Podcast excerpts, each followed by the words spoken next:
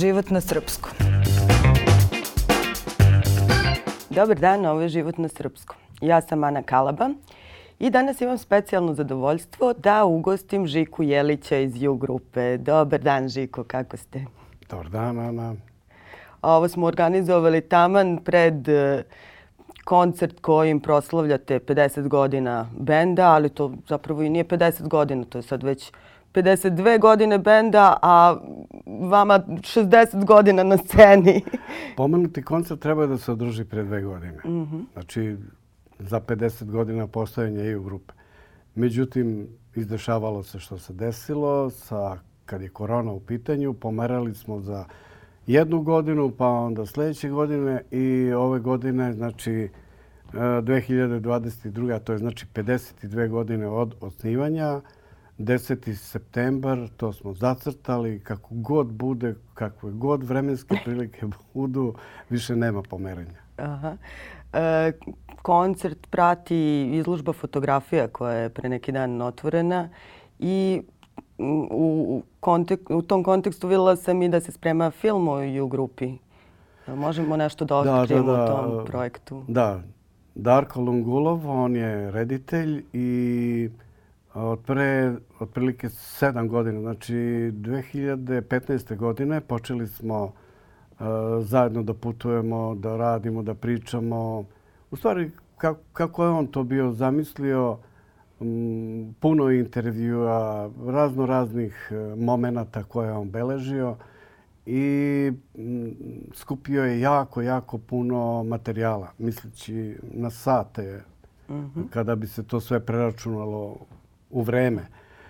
E, sada je uh, došao u situaciju da uh, neka financijska sredstva su mu potrebna da bi završio taj film. Mm -hmm.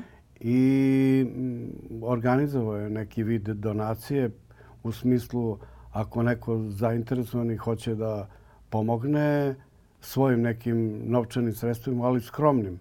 Bilo koliko da ima, uh, može da se uplati, ali informacije o svemu tome mogu da se dobiju onaj normalno koga, koga zanima, da ja sad ne da. pričam.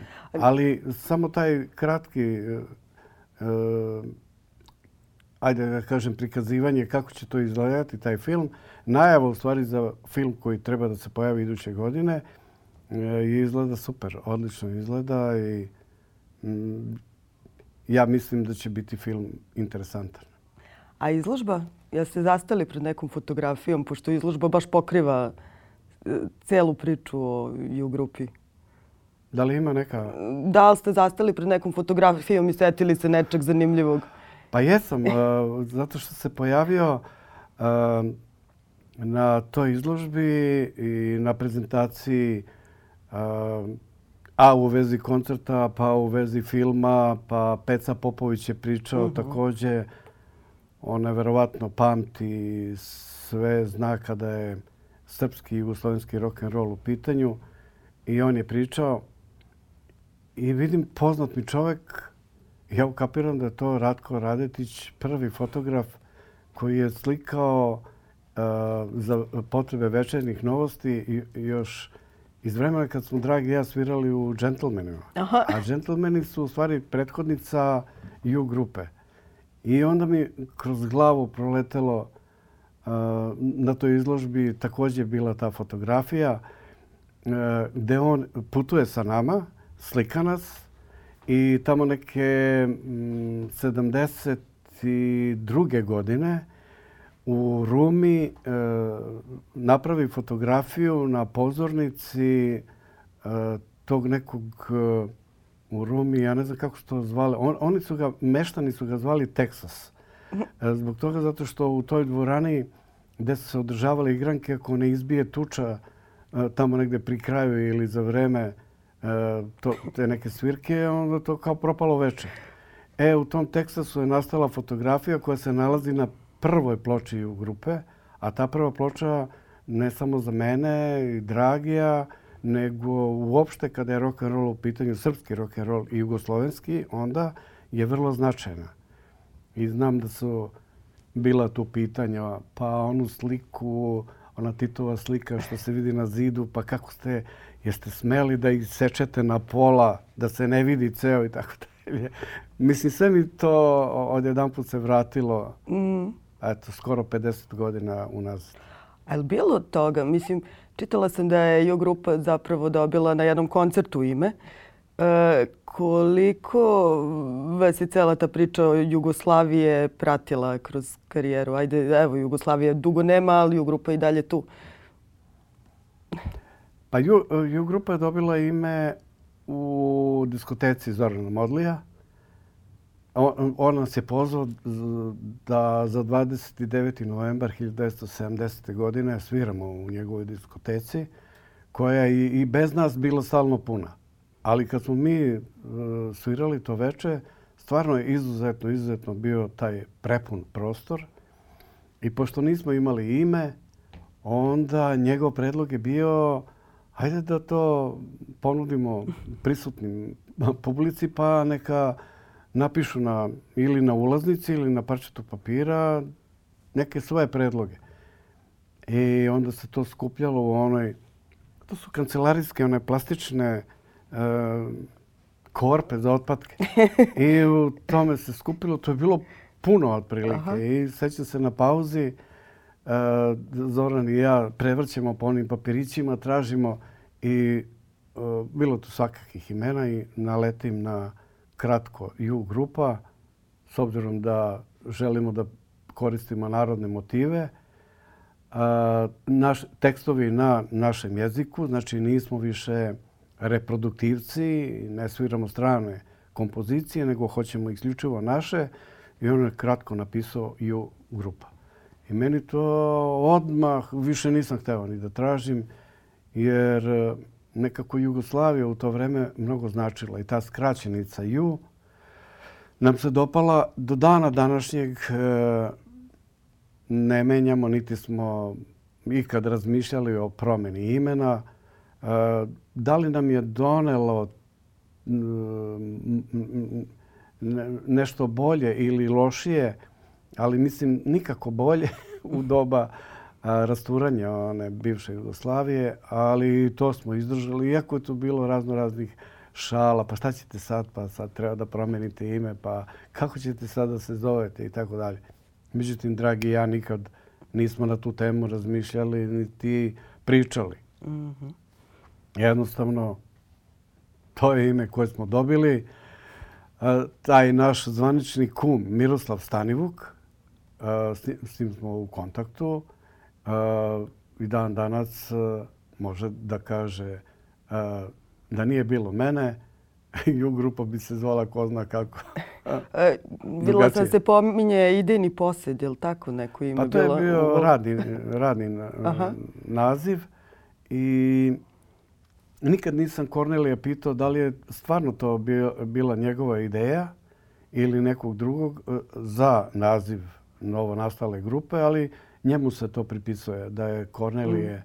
Ali s obzirom da u to vreme on bio uh, vrlo značajan kada je pop i rock and roll muzika uh, kad um, vrlo značajan na prostorima te bivše Jugoslavije moguće da je on i želeći nekako da pomogne da dobijemo ime i predložio takav naziv. Ali meni lično nije odgovarao nikako idejni posed.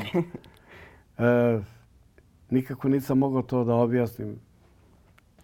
To, to bi trebalo neki stručnjak u stvari da se pozabavi sa e, nazivom pa da objasni o čemu se radi. Jer ja dugo, moje ime Živorad, ja dugo nisam, e, ja sam u stvari razmišljao e, pa kako ovo moje ime treba da živim i da radim baš nije u redu. Ceo, ceo život samo živi i radi. I dok nisam došao na Đuđeve stupove, jeromonah Gerasim mi je objasnio da ja u stvari rado živim.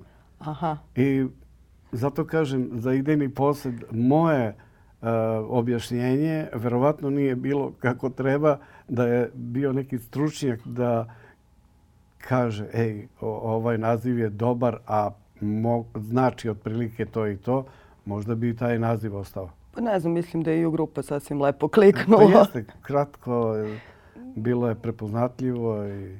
Da. Kako je bilo svirati rock and roll u jugi tog vremena? Pa bilo je sjajno, zato što a, cela ta generacija, ta mlada generacija a, mladih ljudi širom cele Jugoslavije je bila baš u fazonu rock and rolla. Mm -hmm. I sve sa zapada što je dolazilo iz Amerike, a onda Englezi su napravili uh, prodor i pritisak u stvari svojom muzikom na celu Evropu i neke ostale zemlje. Tako da, možete ja zamisliti tamo negde 60. i neki godina, 70. godina, šta su značili Beatles i Rolling Stones mm. i kada je engleska muzika u pitanju. Da ne nabrajam još ko zna koliko ima uh, značajnih ljudi kada je rock and roll u pitanju. I to je uh, vrlo dobro prihvaćeno kod nas. Uh, propagator rock and rolla u to vreme najveći, najznačajniji, najpopularniji bio Zoran Mišćević i njegove siluete. O njemu se malo zna jer iza sebe jako, jako malo ostavio tog nekog uh, muzičkog uh, zapisanog traga. Dobro, ali mislim ali da ga ekipa vrlo, zna. vrlo uh, značajno ime i uh, ta, ta neka mlada publika u to vreme bila je daleko, daleko više okrenuta rock and rollu nego nekim drugim muzičkim pravcima. Ja skoro, skoro sam ovako sa dragim pričom razmišljao i pomenuo pa zamisli sve one mlade devojke od 18, 19, 20 godina koje su dolazile 70. godina i bile u i bili i ti momci mladi koji su bili uh, u sinagogi, na primjer. Mm -hmm. Kako li oni sad izgledaju? Koliko li oni imaju kakve porodice? Neverovatno. Pa dobro, verovatno ne voze motore i ne sviraju.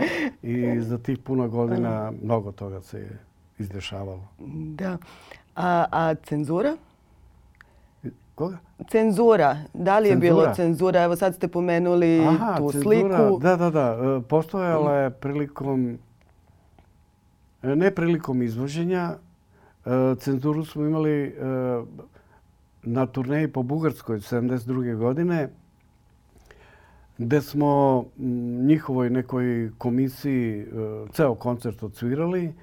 Onda su oni rekli repertoar može da ide tim i tim redom, ne sme ništa da se menja, niti da se dodaje, nema publika traži još pa još nešto da se, nego samo znači te kompozicije mhm. gdje su oni prevodili, vidjeli tekstualno o čemu se radi i tad, tad sam prvi put se susreo sa pravom cenzurom, znači na državnom nivou. 24 dana po Bugarskoj, svak, svako veče isti repertoar. Mm. I redosled isti. A kod nas u Srbiji e, cenzura je postojala samo prilikom e, snimanja ploča za neku od e, diskorijskih kuća. Naprimjer, pošto smo mi radili za PGP, onda stručni ljudi, to su uglavnom bili ljudi koji su završavali, završili muzičku akademiju, priznati kao muzičari, umetnici, kompozitori, preslušavali naš materijal, davali odobrenje da može da se štampa ili ne. Mm. Također, lektori e, srpskog jezika, oni su, srpsko-hrvatskog u to vreme, oni su čitali sve tekstove i eventualno ako nešto nije bilo u redu po pravopisima, onda po pravopisu, onda su oni to menjali. Tako da...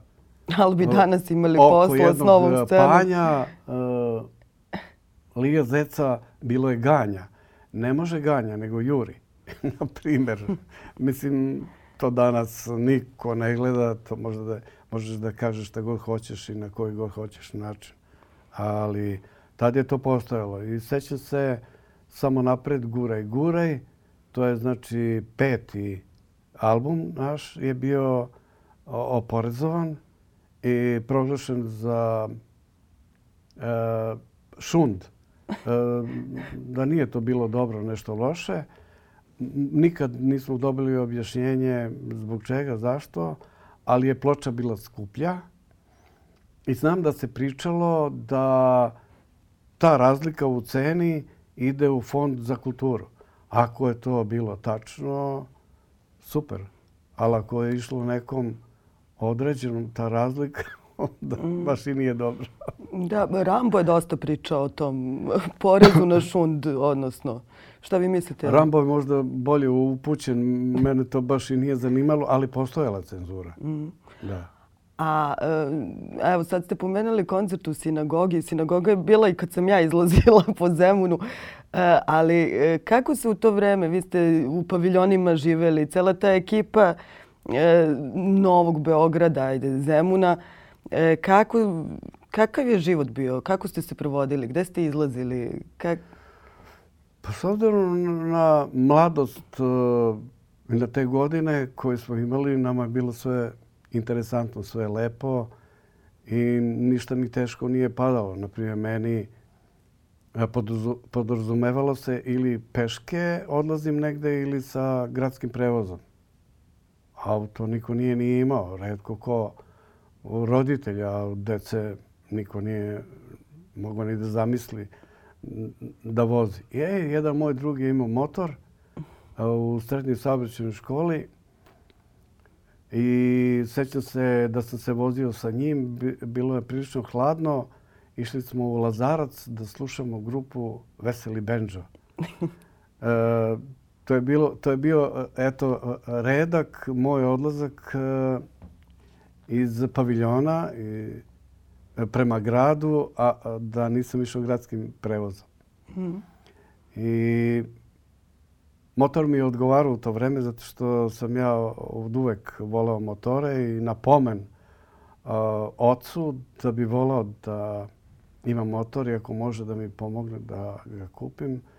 On me samo pogledao i meni je bilo sve jasno da od toga neće biti ništa da moja u stvari želja čista budalaština, ali pitao sam.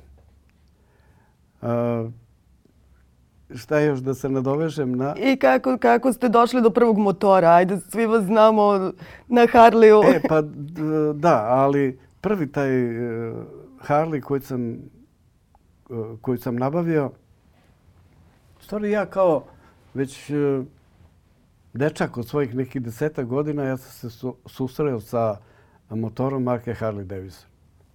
To je bio neki crni veliki motor sa sicom kao sedlo od konja. Meni tako to bila asocijacija. Bio veliki. Onda kasnije sam razmišljao koji bi to mogao model da bude. Otprilike sad znam. Ali e, stalno mi je bilo u posvesti da, motori, sve ok, sve u redu. Italijani, Englezi, sve mi se to dopadalo. Ali Harley imao je posebno mesto. I putujući po tadašnjoj Jugoslaviji, e, raspitivo sam se uh, i sretao sa ljudima vrlo, red, vrlo redkim koji su imali motore, koji su vozili. Tako da sam saznao da posle drugog svjetskog rata Amerikanci sve te svoje Harley Davidsone koje su imali u Evropi, a to kad je bilo, kad je bilo osvajanje Evrope eh, od ozgo preko Normandije, da sve te motore su ostavili i razdelili. U smislu, evo, Jugoslaviji toliko, evo, Rusima toliko, evo, i šta ja znam kome su sve davali. I to su bili sve motori iz drugog svjetskog rata, u stvari. I znajući da to postoji, onda sam počeo da se raspitujem i uspeo da pronađem dosta motora širom cele Jugoslavije, znači od Ljubljane pa Mm. dole do Ohrida. E, na Ohridu sam našao bio zadnji. Ali od svih tih motora samo sam dva e, kupio, e, restaurirao i na njima sam se vozio od 75. godine. Da bih pre 20 godina nabavio noviju varijantu koju ne menjam i ta će mi biti do kraja. A također Harley. Da, da ove, poznati ste. To što se tiče motora. I motor, motor ja znam da je to opasna naprava, da ne zavisi uvek od e, vozača ili jahača motora. Mnogo zavisi uopšte od učesnika u saobraćaju, a kod nas mogu da kažem da tih nekih e, prepreka ili opasnih momenta ima jako mnogo.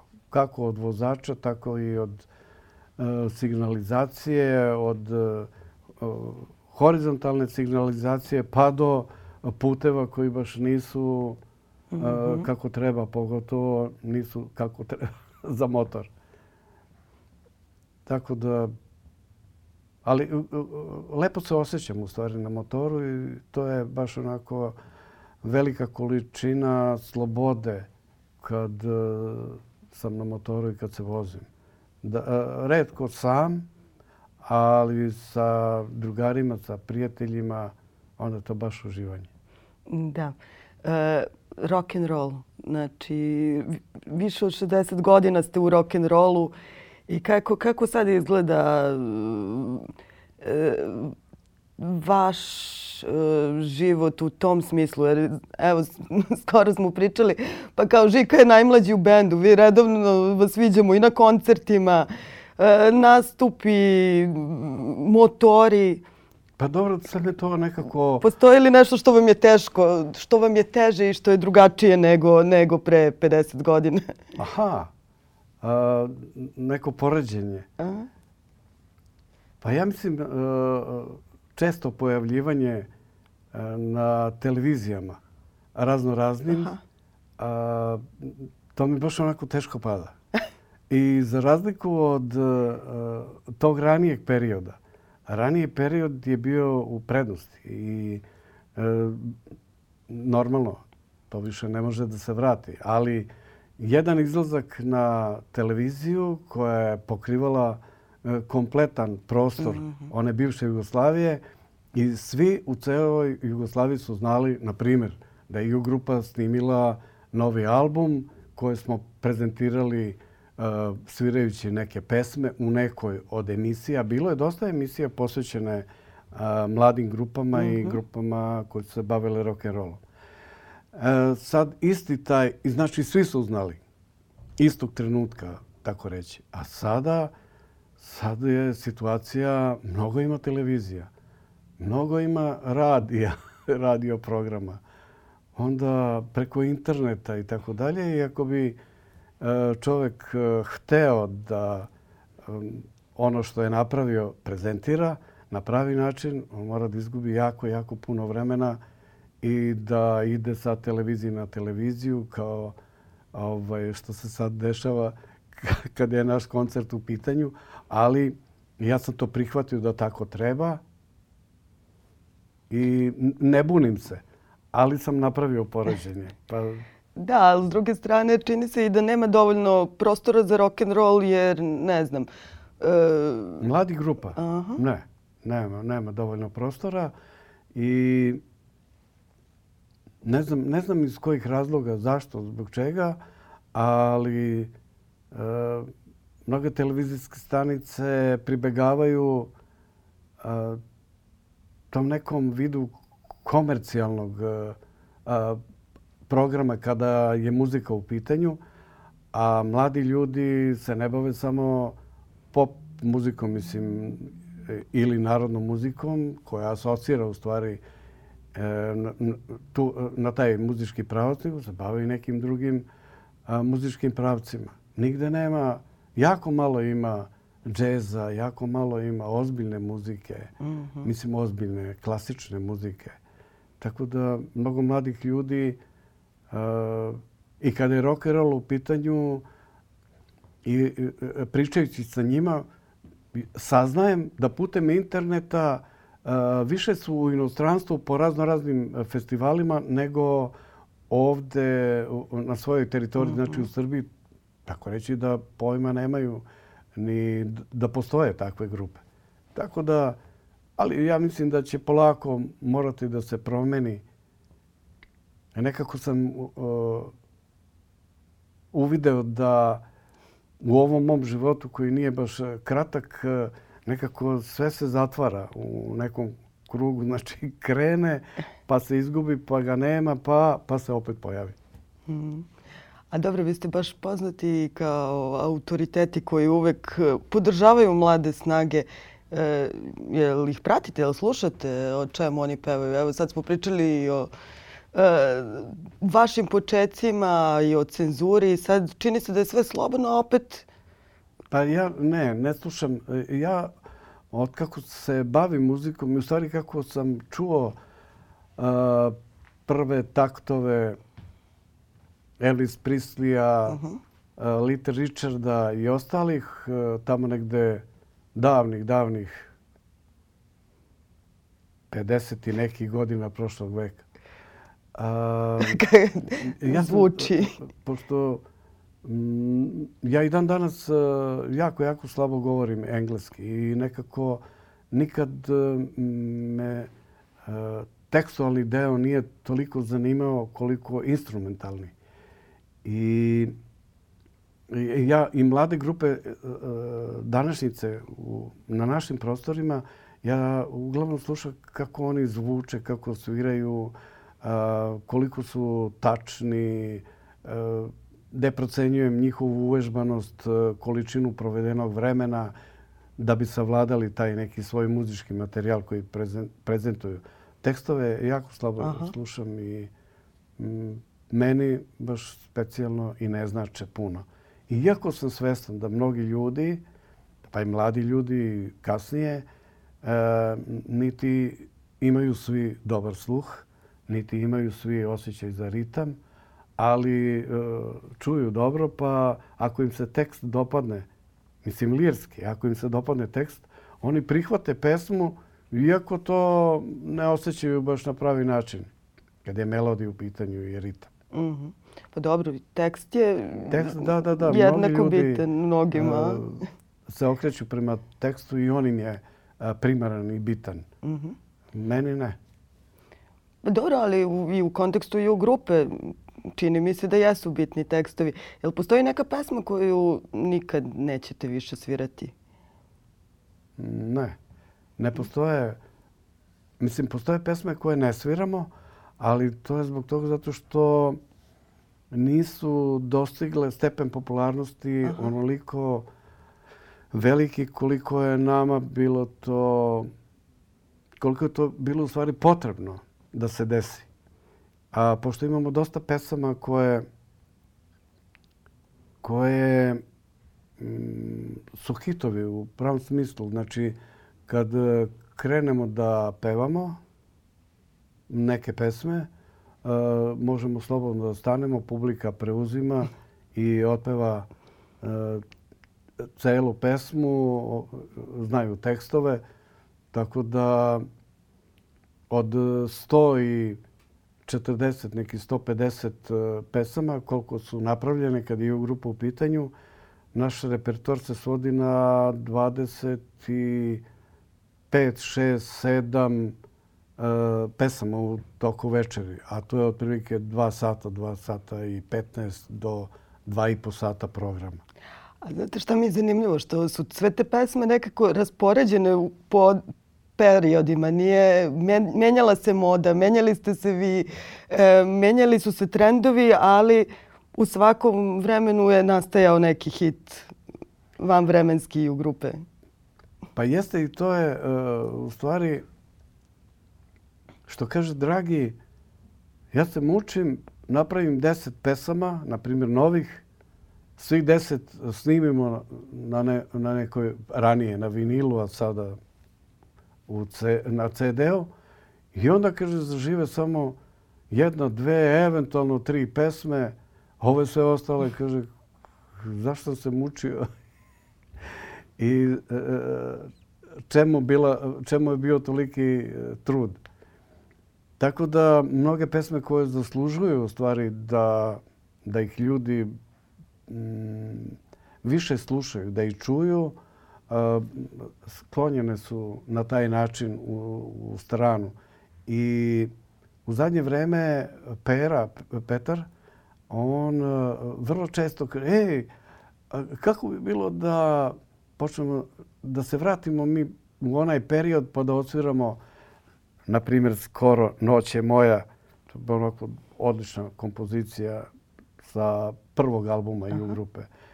Ili, na primjer, Kalibar 86 u tipičnom rock and roll stilu i tako dalje. Ja kažem, ajde da probam i to zvuči fenomenalno. Tako da smo počeli da ubacujemo neke zaboravljene ili nikad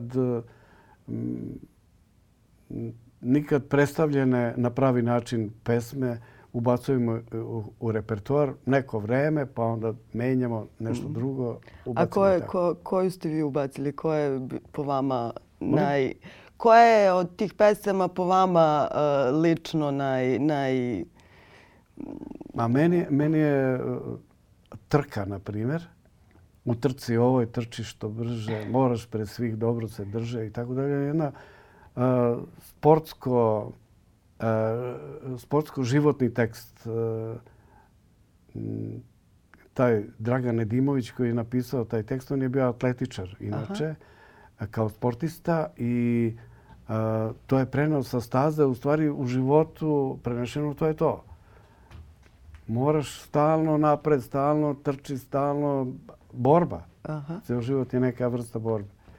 Autobus za raj, na primjer, to je da. Marina Tucaković napisala tekst koji je fenomenalan i aktuelan i dan danas, nažalost. Ali u to vreme kad je ona pisala taj tekst, obraćajući se tekstom za problem da mladi odlaze i sa svojih već 25 godina debelo razmišljaju da napuste mhm. sve ovo da bi otišli negde na drugu stranu da bi bolje živjeli. E, šteta da, da, da je ta pesma aktuelna i dan danas zbog teksta, ali mm. eto, to su te neke pesme, na primjer, koje pa ništa nema novo, pa kako to da svaki dan i tako dalje. To su neke pesme starijih datuma koje su mm. uvrštene momentalno u program. Da. A, a Banki je sedam. tu e, pesmu. Je sedam. Ja sam Boru uh, nazvao jednom i pitao ga za da li imaš neki tekst. I on posle nekog vremena telefonom me zove i kaže uzmi olovku i piši. Ja zapišem i to je onako malo opširniji bio tekst, pa sam ja sveo na otprilike na tu neku meru koja je meni odgovarala i a banki je sedam, da. A to je opet, uh, znajući kroz što sam sve prolazio, da sam imao tako neke pehove kada je saobraćaj u pitanju udesi, struja. Pa i na sceni. Da. I više puta i tako dalje. Na neki neobjašnjiv način ja sam odlazio i vraćao se, što mi je jako drago da sam se vratio da sam se vraćao u stvari i on je napisao taj tekst uh, koji sam ja otpevao i na zadnjem CD-u i u grupe uh, nosi pod nazivom Jabankije 7, a sada već uh, treba da napiše neki novi tekst ili da promeni to Abankije 7 u Bankije 8. to ću da vidim sa njim. Pa jeste punih. Da? Punih 80. Pa, da, da, da, da. Pa za par meseci, eto i to. Da. E, hvala vam, Žiku, i da ne dajte više materijala za takve pesme. da im ne dajem? Da, ne da, daj. Da.